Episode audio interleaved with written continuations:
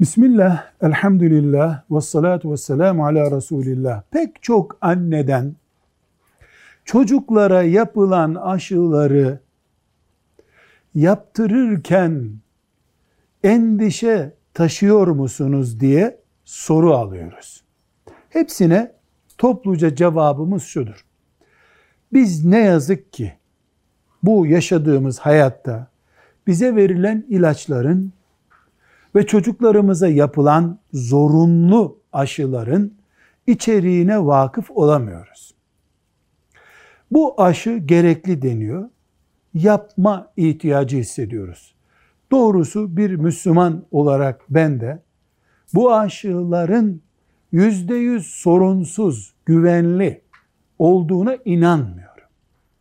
Ama aşısızlığın çocuklara getireceği tehlikeleri de görmüş bir neslin çocuğuyuz.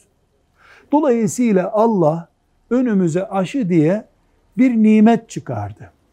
Esasen Müslümanlardan biri olarak bu Müslümanların sağlığıyla ilgilenen bakanlar, sorumlu müdürler, gündüzlerini, gecelerini böyle bir endişeyi gidermek için gayret ederek geçirmeleri gerekir. Bizim de Müslümanlar olarak sağlık yetkililerinden, bakandan, üst yetkililerden ne kadar güvenle bize bunu veriyorsunuz? Filan aşıyı zorunlu yapacaksın diyen Birleşmiş Milletler'in mesela gelecekte çocuk neslini kısırlaştırma gibi bir endişesi ve bunu o aşıya gizlemiş olma ihtimali var mı yok mu diye sormak zorundayız. Biz sormazsak onlar da ilgilenmezse aşılar doğal hale gelir.